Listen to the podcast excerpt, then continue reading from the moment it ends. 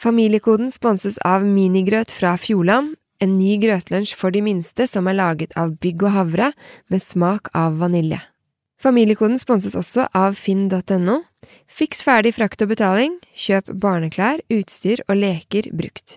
Og da sa Leon at uh, jeg er forbilde for han fordi at jeg uh, lykkes i alt jeg gjør. Og da merka jeg litt sånn den setningen, den traff meg veldig, og jeg ble liksom, merka jeg ble litt bekymret. Og så sa han og det er fordi du elsker det du driver med.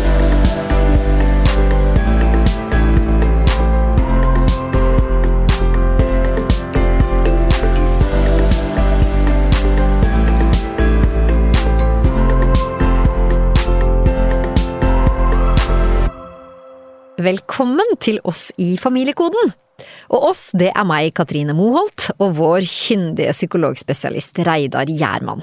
Og Reidar, hva slags mamma tror du dagens gjest er? Tja, eh, hvis vi tar med i betraktningen at vedkommende er veldig musikalsk og flink til å bevege seg etter musikk, og i tillegg da eh, når omtrent alle de målene hun setter seg, så tror jeg at dette må være en målrettet mamma. Det skal vi snart få vite. For Reidar, vi to vi er jo også med i TV-programmet Familiekoden på TV 2, der vi prøver å finne ut hvilken foreldrestil som er den mest inspirerende. Men her i podkasten skal vi altså finne ut av hva slags foreldrestil ulike kjendiser har, og hva det betyr for barna deres. Og dagens mamma hun har tatt TV 2s foreldrestiltest, og hun skal snart få resultatet. Så får vi se da om hun blir målretta eller ei. Og testen kan dere som hører på også ta på tv2.no skråstrek familiekoden. Men nå, her er hun, Nadia Kamitskaja Andersen. Velkommen! Tusen, tusen takk. Velkommen, velkommen. Du er født i Minsk i Hviterussland, er sportsdanser, og vi kjenner jo deg som en fantastisk proffdanser fra Skal vi danse. Du er internasjonal dansedommer, og nå jobber du i Equinor med sikkerhet og beredskap. Og sammen med web-TV-direktør i Alle Media, Mats Andersen, har du to barn. En gutt på elleve og ei jente på snart åtte. Riktig. Vi kjenner jo deg som ekstremt dedikert danser. Du er helproff i alt du gjør. Men hvordan er du som mamma, Nadia? Altså for meg, det å være forelder, det er å være det mennesket som barnet stoler mest på. Eller som bør kunne stole mest på. Altså når barnet blir født, tenker jeg, så har vi på en måte en helt sånn ubetinget tillit. Fordi de vet ikke annet. Og da tenker jeg at etter hvert som barnet vokser og får se mer av verden og forstår mer av verden, så det å, å beholde tilliten er kanskje det det er å være forelder, da, for meg. Jeg føler i hvert fall at jeg klarer å beholde tilliten mellom meg og barnet, og det er Det er jeg den jeg er, da. Så fint. Trygghet og tillit, det klinger vel bra hos deg i òg, Reidar? kan man si. Så nei, det er jo trygghet og kjærlighet som barna trenger. Det er jo, det, hvis man eh, porsjonerer det ut i, i rikelige mengder, så, eh, så blir, det, blir det ofte bra. Men hvordan får du det til? Det er jo ofte at jeg føler at jeg ikke får det til. Jeg tror ikke det finnes fasit på hvordan eh, en forelder skal være. Og jeg er veldig glad i å studere sånn ellers. Eh, altså i jobbsammenheng så, så tar jeg masse utdanning, og jeg prøver, liksom, prøver å lære ting hele tiden og sånn. Å være forelder, det finnes i utgangspunktet ikke noe utdanning man kan ta før man er i den rollen, men så lærer man underveis, da. Hva tenker du om det, Reidar? Nei, det er jo i foreldrerollen som i en del andre roller at veien blir litt til mens man går. Mm, det er noen sånn ganske klare absolutter på hva man ikke skal gjøre, selvfølgelig. Og så er det mm, dette her overordnede med tid og, og kjærlighet og trygghet, da. Og det med tid hender jo at det blir litt vanskelig i dagens samfunn. Åssen kjenner du på det? Jeg er på mitt lykkeligste når eh, livet er innholdsrikt. Jeg tror ikke jeg klarer å dele livet i sånn eh, liv og fritid. Eh, altså for meg, livet er alt det inneholder, da. Og det er om morgenen så er det deg med barn, og så er det jobb, og så er det en av oss eh, henter og kjører og bringer de hit og dit. Eh, de, de driver med masse forskjellige aktiviteter. Eh, og så ja, kanskje fire dager i uka spiser vi middag alle fire, og så på kvelden så er vi hjemme, da. Mm. Hvordan ser en sånn typisk middagssituasjon ut hos dere, da? For meg er det liksom ikke så viktig hvordan vi sitter. Altså, jeg kan sitte i alle mulige stillinger og spise, og det gjør meg ingenting at barna ikke er liksom veldig ordentlig rundt bordet. I hverdagene så kommer ofte telefonen med, eh, som vi da sier sånn nei, det Nei, la oss, la, oss snakke, la oss snakke sammen. Hvordan har dagen vært? Hva er det beste i dag? Hva har skjedd? Men barna kommer ofte med telefon eller iPad eller spør og kan vi ha på TV mens vi spiser, og da vi sier, vi sier nei, men de spør. Ja, Men, det, men det, er det sånn no go for dere å ha med telefon og pad til matbordet? Altså, jeg vil jo si det er no go, men jeg er eh, Jeg klarer ikke å være streng med barna. Hvorfor ikke det? Jeg vet ikke. Kanskje fordi mine foreldre har aldri vært strenge med meg. Det er litt interessant. Mm. For nå har du jo tatt denne uformelle testen til TV 2. Foreldrestiltest. Og da skal vi jo finne ut av hva som er viktig for deg. Og så er du jo fra Hviterussland. Kanskje er det fordommer her i Norge med at hvis du har hatt en russisk eh, oppdragelse, så er det litt strengt og strukturert. Ja. Altså, jeg har vokst opp i verdens fineste familie, og mine foreldre er mine, mine største forbilder som foreldre. Jeg kan ikke huske at de har noen gang vært liksom strenge med meg. Og de har alltid på en måte vært der for meg, så jeg vet Jeg visste alltid at de støtter meg i alt jeg ville drive med, og jeg ville alltid drive med veldig mye forskjellig. Altså, da vi tok den testen, så sa min mann at uh, alle tror sikkert at du er superstreng. Eh, men du er jo alt annet enn det. At du er ekstremt eh, kompromissvillig. Og det tror jeg kommer hjemmefra, da. Og jeg vokser, jo opp i i et samfunn hvor det er mye disiplin. Det er mye disiplin på skolen, det er mye disiplin eh, i idrett, i også dans som jeg drev med. Og hjemme, vi har jo helt sikkert hatt masse regler, men jeg husker ikke de som regler. Nei, for når man tar denne testen, så kan man da enten få strukturert foreldrestil, mm. empatisk, fleksibel, beskyttende eller målrettet. Og, og, sånn som jeg kjenner deg som menneske, da, og som danser, ikke minst, så vil jeg tenke sånn Nå, det er målretta. Hva tenker ja. du sjøl? Hvilken foreldrestil tror du sjøl at du har? Da jeg tok testen, så visste jo ikke jeg at det er de eh, fem, eller hvor mange det var, eh, som man på en måte til slutt blir, da. Ja. Eh, jeg tror jeg er fleksibel. Du tror du er fleksibel? Som person så er jeg veldig målrettet. Mm. Så jeg på en måte som individ mm. er veldig målrettet. Mm. Ganske strukturert. Som forelder så Altså, jeg håper jo at jeg er både empatisk og beskyttende, men jeg tror jeg er mest av alt fleksibel, fordi jeg tror Altså, hvis jeg er alene med barna, da, så Eller for så vidt når vi er sammen også, så er Vi finner løsninger. Det er på en måte veien gjennom eh, dagen, eh, tror jeg. Å finne på en måte de beste løsninger for barna og for familien, da da vi tok den testen, det var veldig gøy, fordi vi tok den begge to. Ja. Eh, og vi svarte jo helt forskjellige. Ja, det er kult. Eh, og i vår familie, Mats og jeg, vi er veldig sjelden uenige. Ja. Mm. Men da vi tok testen, så tok vi, vi tok forskjellige svar på alle. Ja. Og så spurte vi vår elleveåring om ikke han kan lese gjennom spørsmålene og gjette hvor er mamma og hvor er pappa. Ja. Han svarte helt riktig på alle. Wow. Ja, så han var sånn ah, 'Der er mamma, der er pappa, eh, der er mamma, der er pappa, der er mamma, der er pappa'. Nei, Så gøy, så det vil si at barna deres kjenner dere veldig godt? Så det ser sånn ut, ja. Og at vi er veldig forskjellige, ja, det viste seg at vi var. Ja, for da skal du få lov å høre, skjønner du. For testen, den viser at du helt klart har en empatisk foreldrestil. Ja, riktig. Følelsesstyrt. Emosjonell. Hva tenker du om det? Som, som, dere sier, så er det jo sikkert uh, fine og, og, ikke så fine sider ved alle, men jeg føler at empatisk er uh, Det er godt å vite at jeg kan oppleves som empatisk, ja. Fortell litt om den stilen. Ja, ja, Det er ikke så veldig lett å dra fram så mye negativt med det. det er klart at Hvis man har så mye empati at man overbeskytter barna og sånne ting, så kan det jo fort bli litt eh, styrete, da. Men det å være en som er tuna inn på barnas melodi til enhver tid, det er jo eh, gjerne en, en veldig god ting. Og vi ønsker jo at uh, barna våre skal vokse opp med, et, eh, med en evne til å lese sin indre verden, da, ikke sant. Ikke bare gladfølelsene, men også de triste følelsene. Og hvis du er empatisk og bruker det på en ålreit måte, så vil du også tåle at barna dine ikke alltid har det bra, men hjelpe dem til å være i de følelsene som kan være litt ubehagelige, da.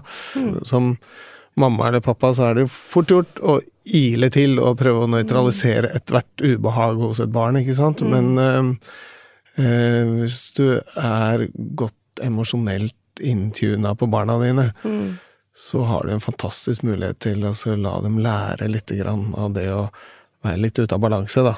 For det er jo noe de kommer til å i så fall ha nytte av seinere i livet. Det er veldig fint å høre, for for meg er det veldig viktig. Hvis jeg skulle skrive på, på papiret hva er det viktig for meg, så er det nettopp det du nå beskrev. Ja, Så det er veldig fint. at jeg klarer faktisk å leve opp til det som jeg selv føler er viktigst, da. Tillit for meg er eh, på en måte Det er det essensielle. Så hvis barna har tillit til meg, så kan de være åpne med meg om alt. Eh, At jeg kan forstå de bedre. At vi kan eh, finne også løsninger hvor de kan være Eller hvor de kan ha det beste livet de kan ha, da. For meg er eh, Jeg er lykkelig når jeg eh, er i konstant eh, bevegelse, også på alle plan. At jeg utvikler meg, og at, vi, at det skjer ting, at det, er, at det er mange baller i lufta. Samtidig så er det veldig viktig for meg at barna skal forstå at uh, det toget må ikke kjøre så fort for alle. Man må ikke være så målretta som jeg er. Man kan være lykkelig av helt andre grunner enn det som gjør meg lykkelig, da. Og det er å finne hva, hva gjør dem lykkelige. Og da det å ha tillit og være på en måte emosjonelt til stede med dem for å se dem som de er. Og de to er veldig forskjellige, og jeg føler at jeg kjenner de veldig godt. Du sa at både du og, Mats hadde tatt den, den testen, og når du da får en empatisk eh, foreldrestil, eh, hva tror du han har da? Er han da strukturert, tenker du? Jeg tror han er eh, veldig strukturert, ja. Fordi for han er det viktig med rutiner. Ja. Så det er han i huset som etablerer eh, rutiner, og så føler barna og jeg eh, de til en viss grad. Til en viss grad, ja. Hva betyr det? At når vi er alle fire, så går det stort sett. Når det er oss tre hjemme, så er det da er det lite rutiner, altså. Så når han sier at det skal legges klokka åtte, da er du litt mer flytende, da, eller hvordan er det? Ja, det, det flyter veldig. Og jeg syns jo på en måte kveldsstunder syns jeg er hyggelig. Altså sånn Leon, eh, elleveåring, og jeg, vi kan vi kan eh, ligge i senga og snakke altså hva skal man si, timevis, høres veldig lenge ut, kanskje ikke timevis, men i hvert fall vi kan snakke lenge. Så jeg spør åtta han hva, hva tenker du på, hva er det som på en måte bekymrer deg mest, eller hva er det du Altså, vi snakker veldig mye om hva han reflekterer rundt, og så han stiller så mange spørsmål. Og da på en måte gjennom oppveksten Han har delt veldig mange ting med meg som jeg er veldig glad for at han har delt. Som har gjort at jeg har hjulpet han gjennom en del tøffe ting eh, som barn. Så jeg er veldig glad for de samtalene vi har. Og så får jeg vite veldig mye av hva som skjer i livet hans, eh, og så veldig mye gøy og bekymringer og så videre. Så jeg liker å snakke med han, mens eh, Mats er litt mer sånn ja, men klokka er sånn og sånn. For meg flyter klokka litt. Ja. Mens med Evy, som er syv år, hun er eh, hun vet jo det, altså begge barna vet jo veldig godt at med meg så kan jo de styre eh, showet. Eh, så hun begynner å liksom 'Mamma, mamma, du må se den dansen, og mamma, kan jeg vise deg noen triks?' Og hun står jo på hodet og på hender og viser meg noen triks hun lærte på turen. Og da begynner du tilbake. Ja, se på meg, jeg vil jeg kan. Så viser du dine. Nei, hun kan mye Men se på meg, da, Jeg kan ikke stå på henne. Eh, så hun alltid må veldig mye da på kvelden. Ja. Og det på en måte kjenner jo meg igjen, da, ikke sant. Så det er vanskelig. Jeg alltid må masse. Men Reidar, hvordan er egentlig det hvis når vi nå snakker litt om foreldrestiler, da? Det når mor og far har ganske ulik foreldrestil? Hvordan Ja. er det for barna? Nei, det, det klarer de jo fint å forholde seg til. Eh, Så lenge det er fred og fordragelighet i hjemmet, så er det mye rart de kan tåle av forskjellighet, da, ikke sant. Og at det, når du er hjemme en uke alene, så er det kanskje det er litt sånn løsere strikk, og når eh, det, han er hjemme en uke alene, så eh, er, står skoene litt mer på rad i gangen, og det er litt strengere. Ja. Og dette er jo en fin måte for dem å lære å forholde seg til ulike arenaer på. For dem er det jo trygt og godt, er de er jo godt vant til dette her, og du ser jo sønnen din plukker ut hvem som er hvem ut ifra hva dere har krysset av på en test, ikke sant? Ja, nettopp. Ja. Det er jo ganske kult. Når jeg sitter og hører på deg, så, så, så klør jeg meg litt i huet og tenker at er det er du en så målrettet person som du sier? For målrettet så tenker jeg liksom at du fester et eller annet mål et sted i fremtiden, så gjør du det som du trenger å gjøre for å nå det målet. Mm.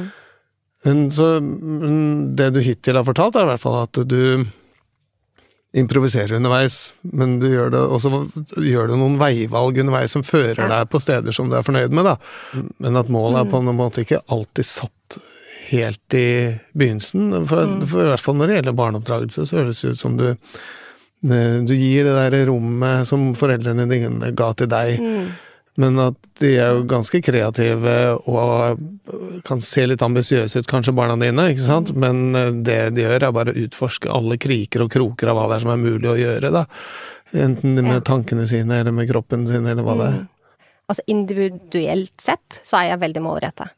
Jeg setter meg mål, og så legger jeg på en måte planen hvordan jeg som person skal nå de. Eh, og det gjelder i jobbsammenheng, om det er utdanning, om det er, har vært dans eh, osv. Så, videre. så for meg som person så er det veldig, det er veldig målrettet. Og veldig konkret. Jeg forbereder meg veldig mye. Ok, og da er det lister og planer og Nei, det er ikke lister og planer, det er stort sett i hodet. Okay. Det er lite som er skrevet, faktisk. Altså i jobb, sånn utviklingsplaner på jobb, for eksempel. Der, har jeg, der har jeg mål eh, som er skrevet ned. Men veien dit er ganske satt, men i hodet mitt. Og det er samme med Skal vi danse. Jeg planlegger alltid hele sesongen, selv om man kan ryke hvert program. Så prøver jeg å planlegge til at min partner skal vinne. Men jeg har i hvert fall aldri sett på det å være forelder som en prestasjon. Og det er der tror jeg kanskje den største forskjellen er, at jeg vil ikke være målrettet på vegne av mine barn. Altså jeg vil at de skal finne ut hva er deres vei. Jeg vil at de skal vite at jeg er der for dem. Jeg kommer til å støtte deres valg, jeg kommer til å hjelpe de eh, på veien. Men om, om de er lykkeligst når de presterer, sånn som jeg, eller om de er lykkeligst av å være med venner eller lese eller eh, ikke være ambisiøs som, eh, som jeg er på mine vegne, da. Det er også helt fint. Det er min greie. Det trenger ikke de.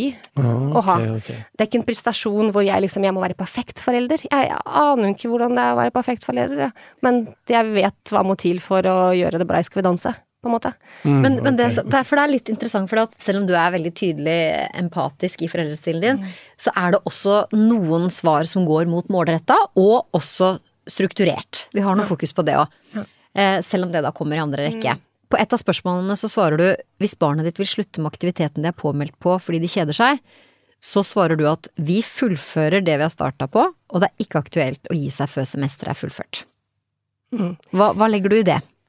Hvis hun går på riding og sier Ja. 'mamma, jeg hater hester nå', jeg finner ut, jeg syns hester er ikke noe for meg, jeg vil slutte. Ja. Nå, jeg vil slutte, jeg vil, vil ikke dra dit neste gang. Altså, jeg vil at barna skal være den de er, og drive med det som gir dem mest lykke i hverdagen. Og som vi har sagt til de, er at ok, vi skal, vi skal få det til. Dere må vite hva dere vil, og så skal vi støtte dere. Så om det er å gå på alle de aktivitetene som, eh, som de gjør, eller å ikke gjøre det, vi, vi fikser det dere vil ha. Men kan ikke, de kan ikke velge hver eneste dag, fordi vi som familie trenger en struktur. Eh, Så ok, hvis, eh, hvis du vil ri, så er det det skjer på tirsdager. Da er det det som skjer. Og så er det de helgene er det stevner og så videre. Eh, På onsdag, da skjer det. Men hvis hun kommer har... og sier at jeg, nå, 'nå har jeg bestemt meg, mamma, jeg vil ikke ri mer', og så er det fortsatt Det er august, og er, dere har akkurat meldt dere på, hun har vært tre ganger på riding, men vil, Ja. nå vil jeg ikke mer. Nei, da snakker vi rundt. Altså, jeg ville aldri sagt 'nei, det får ikke du lov til'. Også den setningen jeg merka sjøl nå, at liksom det, det høres veldig feil ut. Eh, så jeg, jeg, jeg klarer ikke å si 'nei, det får ikke du lov til', men da snakker vi. Eh, du har hatt lyst eh, lenge, du har snakket om det, nå har du prøvd. Du kan ikke bare slutte, eh, fordi at eh, nå har, eh, nå har vi meldt oss på, den plassen har du tatt, eh, vi har betalt for det, vi har lagd plan for at vi skal kjøre deg, og så videre. Så da tar du det semesteret, og så får vi vurdere på nytt. Ok, og så kommer hun med noen innspill, da. Jeg eh, får så vondt i ryggen når jeg rir, eksempel. Eller eh, treneren er eh, altfor streng. Jeg Ja. gruer meg til å treffe henne. Ja, hvis det er noe sånt, også hvis det er noe som gjør meg bekymra, Ja. da Først og fremst ville jeg prøvd å finne ut av det. Og da er det ikke ved å ringe trener og høre, men da ville jeg gått i litt sånn dypere samtaler med barnet. Okay. Og forhåpentligvis så kjenner jeg det med begge barna såpass godt at jeg klarer å skjønne om de faktisk er redde for trener, eller har vondt i ryggen, eller om det er noe som å, jeg vil Nei, akkurat i dag gidder jeg ikke. Men altså den der i, i dag gidder jeg ikke, det, det, det skjer egentlig ikke hos oss så veldig. Høres ut som du gjør noe som sikkert mange kunne ha lært av, og det er um, å si at når du eh, setter i gang med et eller annet, enten det er langrenn eller ridning eller hva det måtte være, så uh, det vil komme perioder hvor du syns at det er kjedelig, og det vil være slitsomt, og det, vil, eh, og det av og til regner det, og likevel, så den hesten må jo ha stell, eller hva det nå måtte være, ikke sant? Man kan forberede dem på det, Ja. Og de vet at rammebetingelsen er at når vi først sier ja til å gå i gang, så er det et prosjekt vi fullfører. Ja. Det minner jo litt om sånn som vi har det på jobben. ikke sant? Ja. Vi går inn i et prosjekt, og så bør vi jo helst gjennomføre, men så Ja. kan det skje ting. Men da vet også dine barn at vi kan komme til mamma og si at vet du hva, det, det går rett og slett ikke. Ja, det kan Og så ville du ha satt deg ned og lytte til dem. da. Ja. Det Og det er og det du sier der, at uh, altså hvis de for eksempel eh, De drev begge to med friidrett eh, i fjor og forrige fjor, og da var det en del stevner som var i i styrt regn. Og hvor alle begynner å melde seg av, og sant, du bare ser på spond at den dropper, den dropper. Men vi er litt sånn Nei, det er friidrett, da. Dere, men da drar vi dit, da. Så står jeg der og bare tenkte åh, kunne ikke de velge en idrett som er inn- innendørs? Men uh, det er ok, de har valgt det, og da driver vi med det. Og da tror jeg de hadde blitt veldig glad om jeg hadde sagt å, men det regner i dag, vi dropper det. Men det er ikke Nei, det er ikke det. Og det er litt sånn, ok, men jeg tror også de har sett på hvordan vi er da som som individer, igjen, ikke som foreldre, men som individer. Skal vi danse? Da, Samme det, du har livesending på lørdager, du må stille opp eh, nesten, uansett hva som skjer i verden. Så det er på en måte det at man selv om morgenen kan velge om den veien man har valgt, da, om man skal gå på den eller ikke. Det er liksom ikke en til vurdering hver eneste dag, men den veien vurderes underveis, da. Og så gjelder det da også når man sitter der som et lite menneske, da, og uh, har et litt dårlig utviklet uh, emosjonelt uh, apparat, for det har jo disse barna Ja. ganske ofte, da tenker jeg jo at det er lurt å benytte anledningen da på det friidrettsstevnet når det regner. Ikke sant? Til, for da ville vi jo en sånn vanlig, sånn, særlig sånn pappa-væremåte, er sånn Nei da, det er ikke kaldt. Ikke sant? Det er sånn um, og så, så, sånne ting. Og så, og så kjenner de på følelsen at det, det er jo kaldt, jeg fryser jo på beina, og det er jo kaldt på fingrene, og alt dette er våt til og med, ikke sant. Da kan man altså gå inn som, vil jo jeg tenke som psykolog, da, og si eh, «Åh, nå kan jeg se at du er ja. nå, er nå er du kald. Ja. Ikke sant? Og hjelpe dem til å anerkjenne og se at det som Ja. foregår i meg nå, dette ubehaget, det er faktisk virkelig. Ja. Det er ikke farlig, og det er ikke, det er ikke noe sånn, det går fint. Men disse her eh, opplevelsene jeg sitter med nå, da, de blir validert av min følelsesmessige mentor, da, som er min pappa eller mamma. Ja. Og det tenker jeg, der er det mange foreldre som har et stykke å gå, da. Ja. Og det er å benytte seg av disse ubehagsopplevelsene og tenke at dette er jo dette som er gullet. Ikke sant? Det er jo det som er, som er disse her øyeblikkene hvor vi kan lære hva betyr det å ha vondt i kneet, men at Mm. det går bra likevel. Du kan gå på det selv om det er vondt, liksom. Ja. Sånne ting. Mm. Og jeg tror at altså, det eksempelet du brukte der Jeg ville aldri Altså, jeg, jeg lyver ikke til barnet. Og det å stå i regnvær og si at nei det er ikke kaldt, da lyver man jo. Eh, hvis man fryser sjøl, så vet man jo også at uh, det er kaldt. så, det er, så det på en måte å fortelle barn nei da, det går fint, det er jo ikke ærlig. Og da bryter jeg den tilliten som er så viktig for meg. Jeg er veldig ærlig med barna om hvordan, eh, hva jeg føler, hva jeg tenker, og så tar imot deres kommentarer, og jeg stoler på det, at de er ærlige med meg, og at vi finner løsninger. Altså, jeg håper jo virkelig at barna mine føler seg trygge med meg, men det er Jeg tror det er viktig at barna på en måte ser konsekvenser av sine valg, da. Som eksempel så ufa- ufarlig at ok, hvis du driver med idrett da, eller ridning, eh, så må du være, må du være glad i å, i å rydde møkk og vaske hesten og holde på. Men det er på en måte, det er livet da. Livet er ikke Det er ikke bare det å sitte på hesten og ri, liksom? det er ikke bare å liksom. sitte på Mm. hesten, og så fikser eh, foreldre eller andre fikser alt for deg. Så jeg, jeg er for foreldrene, jeg er der for barna, som mine foreldre har vært. Og så støtter jeg de i alt de gjør, og så håper jeg de lærer mens de går, da. Jeg tror, tror der gjør det noe fint, og det er at du tåler barnas ubehag, da. Altså du prøver ikke å gjøre det lett for dem hele tiden, men du sørger for at du er der i ubehaget sammen med dem, øh, og bekrefter dem på det. da. Det vil de nok lære ganske mye av. Jeg må si at mange av de som kommer inn på kontoret hos meg, på psykologkontoret, de er veldig uvant med å kjenne på ubehag. Så når det da endelig oppstår, da, en gang på ungdomsskolen f.eks., så kommer jo liksom kjærlighetssorg, eller det kommer noe sånne greier, så er det følelser som du ikke har vært på besøk i nesten i det hele tatt. Og for både moren og faren har stort sett vært opptatt av at de aldri skal kjenne ubehag, og at de skal bare beskytte barna sine hele tiden. Det blir man jo litt lite robust av, faktisk. Det er veldig lærerikt. Jeg har ikke reflektert så mye over, eh, over disse tingene før. Men det, Det er veldig spennende, og i TV-programmet Familiekoden, som vi da sender på TV 2, så blir vi også kjent med ni foreldrepar med ulike foreldrestiler. Og en av oppgavene foreldrene får der, det er at barna skal lage en kake med masse godteri. Og så på et tidspunkt så går foreldrene ut av rommet Ja. med beskjed om at barna får ikke lov å smake noen ting før de kommer tilbake. Og så ser vi jo da, ikke sant, om, om de om de hører på foreldrene eller ikke. Det er egentlig en sånn morsom, morsom øvelse, men som også sier litt om foreldrestilen. Hvordan tror du dine barn hadde, hadde takla det hvis dere sto og lagde en kake? Det masse godteri, men det fikk ikke lov å smake før dere var tilbake igjen. Så sier du nå skal vi bare ut en tur, så kan dere fortsette å bake her, men ikke smake på noe av dette godteriet som står der. Hadde du stolt på at de hadde smakt, eller, eller ikke hadde smakt, eller tror du de hadde, hadde smakt? altså, jeg tror selv eh, så ville jeg smakt på det. Ja, ikke sant? Det er fristende, da. Så jeg vet, ikke hva jeg, kan, så jeg, jeg vet ikke hva jeg kan forvente av barna, egentlig. Eh, Leon ville ikke smakt. Evy ville garantert smakt. Og hvordan hadde din reaksjon vært på det, da? Eh, begge er greit. Ja, men hadde du, Og da hadde du heller ikke blitt streng på henne? Uh, hvis du hadde, liksom, hun hadde Smakte dere? Nei, sier han.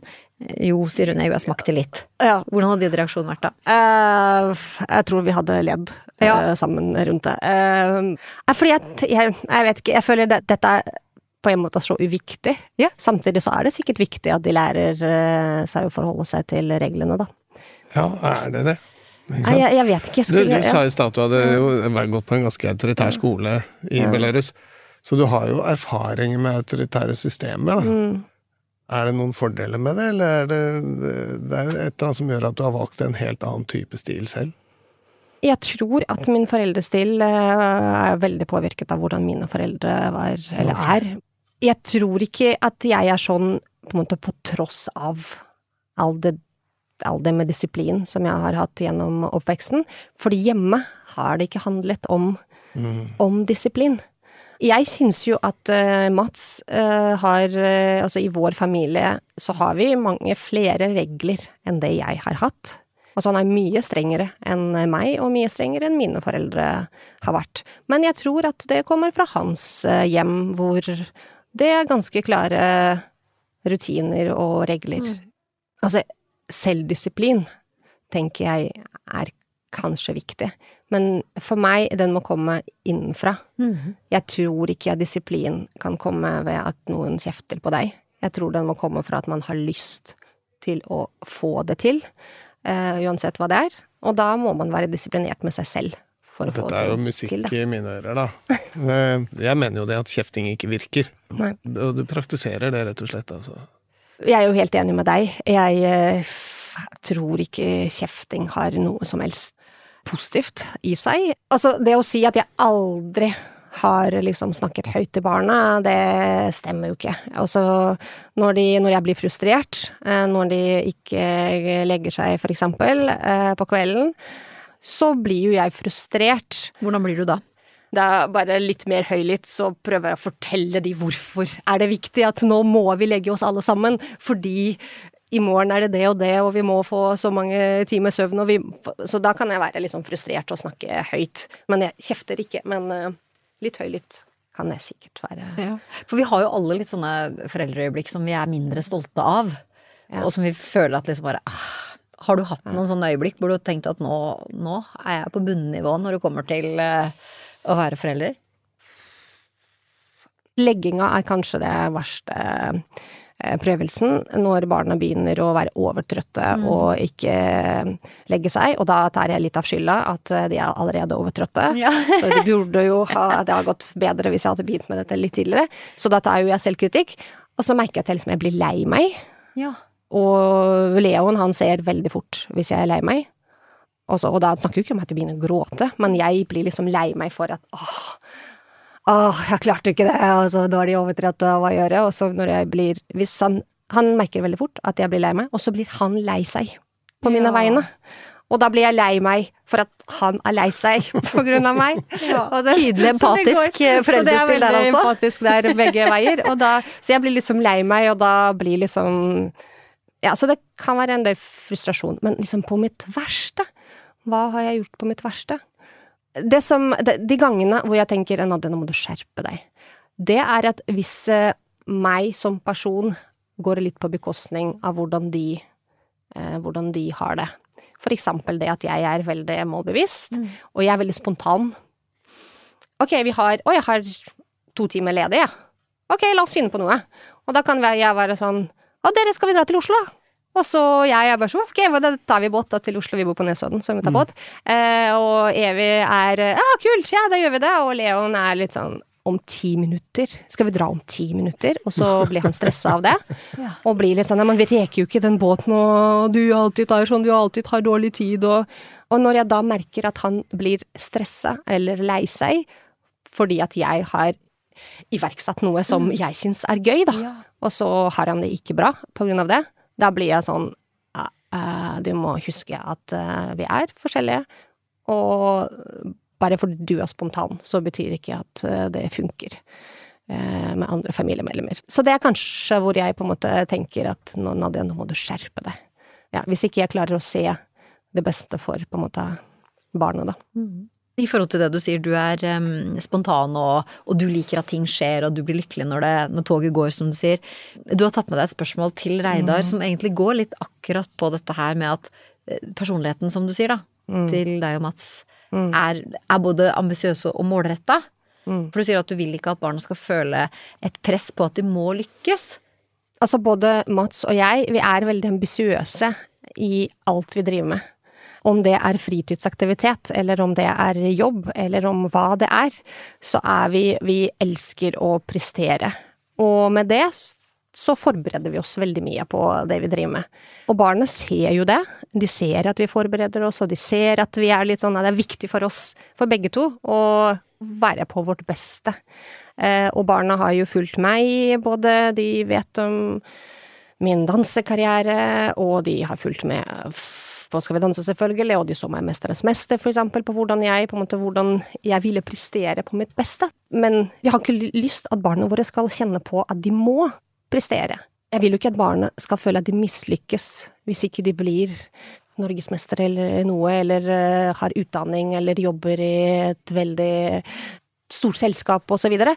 Det er viktig for oss at de finner seg sjøl, eh, uten å på en måte bli påvirket av at de må bli det vi er, da. Og det var én ting som Leon sa til meg i Jeg fylte 40 i fjor, og da holdt barna plutselig taler til meg, sånn litt spontant. Og da sa Leon at, eh, at jeg er forbilde for han, fordi at jeg eh, lykkes i alt jeg gjør. Og da merka jeg litt sånn den setningen, den traff meg veldig, og jeg ble liksom, jeg ble litt bekymret. Og så sa han og det er fordi du elsker det du driver med. Og da på en måte senka jeg skuldre og tenkte ok, han har fått med seg det viktigste. Jeg lykkes i det jeg driver med fordi jeg elsker det. Og det er det viktigste for meg.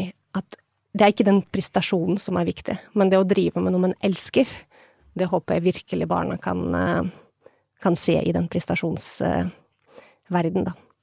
Så men jeg er veldig spent på, på hva svaret på det er. Altså, du er litt bekymra for at den prestasjonsretta da, tilsynelatende, da, sånn eh, vellykkede veien som både du og Mads legger dere ut på, at den eh, Eller de tenker at dere forventer at de også gjør det, da. Og i hvert fall så er det jo sånn at jeg tror at privilegerte familier, om man kan kalle det på den måten, at dere er heldige fordi dere er friske og sunne, og dere lykkes med det dere driver med, dere har funnet ting dere elsker, og det er liksom Og dere, dere er to stykker som driver denne familien sammen, og det er en del ting som er på plass. Og da tror jeg nok at det er viktig at det som foregår rundt kjøkkenbordet i den type familier, da, er samtaler som også handler om folk som lever en litt annen type Mm. liv. Og det å være bevisst på at både i eh, Norge og i andre deler av verden så eh, er det, er det er vår familie som er litt annerledes. Vanligvis er det familier med masse rot, og det er krangel, og det er Folk lykkes ikke alltid driven, det er faktisk ganske vanlig å ikke lykkes, og likevel har de det Ja, faktisk ganske bra, ikke sant?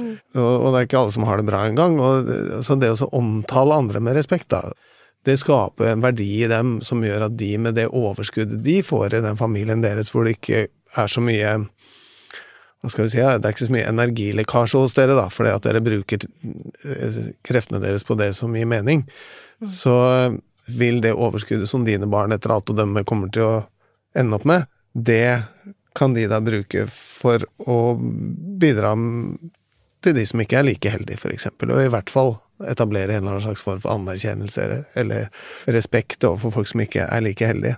Ja. Og så er det jo da kanskje viktigste av alt er det du sier at når man presterer, så man, man gjør det hvis, bedre hvis man liker det man driver med. Samtidig så er det ikke alltid så, vidt, så lett å vite på forhånd hva man kommer til å like. Nei. Og så er det jo da selve overskriften det er at eh, barna må være elsket og vite at de er elsket, selv om ikke de presterer så bra.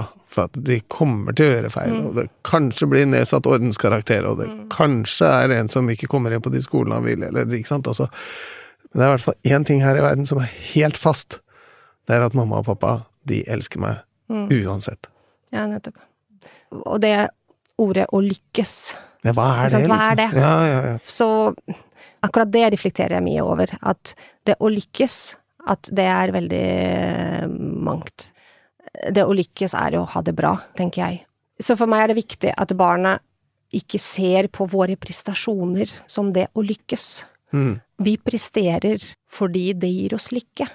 Da vi tok testen, så spurte jeg også for, eh, barna eh, hvordan er jeg som mamma. Og det var, veldig, det var en veldig fin ting å gjøre, det anbefaler jeg alle. Og de sa jo mange ting, og en av tingene som, som gjorde meg veldig lykkelig, var at begge to sa at uh, vi kan snakke med deg om hva som helst. Vi stoler på deg, vi vet at du kan støtte oss uansett. Som Leon eh, sier, at uh, selv om du har kanskje aldri tenkt at dette er gøy, eller dette vil du bli, mens jeg snakker om det eller vil bli det, så vet jeg at du støtter meg. Og det er så fint. Men vi pleier å avslutte med at vi spør hvilken sang som eh, dere pleier å synge for barna når dere legger dere. Hva, hva er din leggesang, Nadia? Nei, altså det som er greia er at jeg er, eh, er, ganske, jeg er ganske dårlig til å synge. Eh, Så barna mine er litt sånn eh, Mamma, mamma, eh, ellers takk, du trenger ikke å synge, du. Eh, Så, men vi har hatt Altså, vi har hørt veldig mye på Hanne Krogh, fordi at eh, mine barna heller vil høre på, på Spotify og Hanne Krogh med for eksempel Alt du har, som An- Hanne Krogh sang til Marie Mene i Hver gang vi møtes. Den hører vi på nesten hver kveld. Ja, det, har det noe med teksten å gjøre da? Jeg tror det. Altså, de, de likte den da de så den på TV, og så traff eh, den meg, i hvert fall i teksten. Eh, Så jeg føler at den, den synger Hanne til, eh, til min syvåring og til min elleveåring. Og så om morgenen så pleier jeg å vekke barna med musikk. Oi! Så de morgenene som jeg på en måte har ansvar for, de starter med gjerne en eller annen sånn salsa-samba-låt som barna liker, og så går vi i tog og danser. For da får jeg liksom alle opp, og alle er For en, altså, det, er, det, er jo helt, det er liksom For en fantastisk start på dagen. Hvilken sang kan det være da, Nadia? Nei, det er, altså, det er stort sett barna som velger, så Evy bestiller en sang på kvelden. Og så som vi tre, vi går rundt og danser, og Mats blir sånn å herlighet, da kommer, der kommer det dansetoget der. Dansetog på morgenen, Reidar. Den, ja, en den tror jeg skal eh, den- skal jeg ta med meg. Eh, så på kvelden så er det stort sett da Hanne Krogh med Alt du har, eller så har vi en, eh, en godnattsang som vi lærte av eh, en nabo. eh, Da Leon ble født, vårt første barn, eh, så gjorde jeg Skal vi danse, eh, så å si med en gang. Så Mats var i pappaperm og var mye sammen med naboen. Så han lærte oss en sang. Vet du hva? Vi har jo Reidar som ikke bare er psykolog, men han er jo også pianist. Så Ja. du kan Reidar spille, og så kan vi høre litt på den sangen som, som Nadia synger for barna når de skal sove. Eller eh, jeg kan den, jeg kan den. Men jeg synger den ikke så ofte. Nei. For det sier barnet. Ellers takk. Tusen takk, Nadia, for at du kom til oss og delte mammarollen. Jeg skal ta med meg eh, salsadans på morgenen. Det tror jeg, da, da tror jeg morgenen blir absolutt eh, maks god start på dagen. Og nå skal vi avslutte med nattasangen. Tusen takk, Nadia. Takk for det.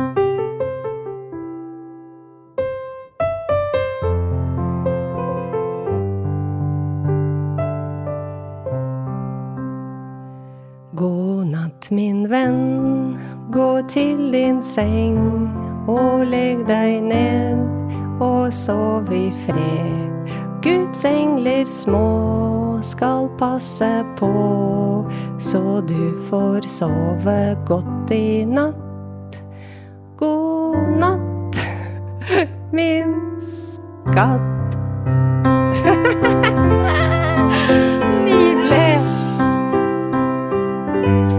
Barnet greit flau over mammaen sin. Akkurat som det skal være.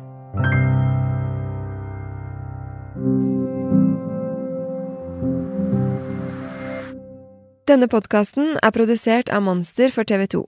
Produsent er Kjersti Kvam, research og booking av Tara Solli, etterarbeid av Espen Rogne og Amin Milod, musikk av Espen Rogne, ansvarlig produsent for Monster er Mira Khan, for TV 2 Mari Vattum, og redaktør i TV 2 er Trygve Rønningen.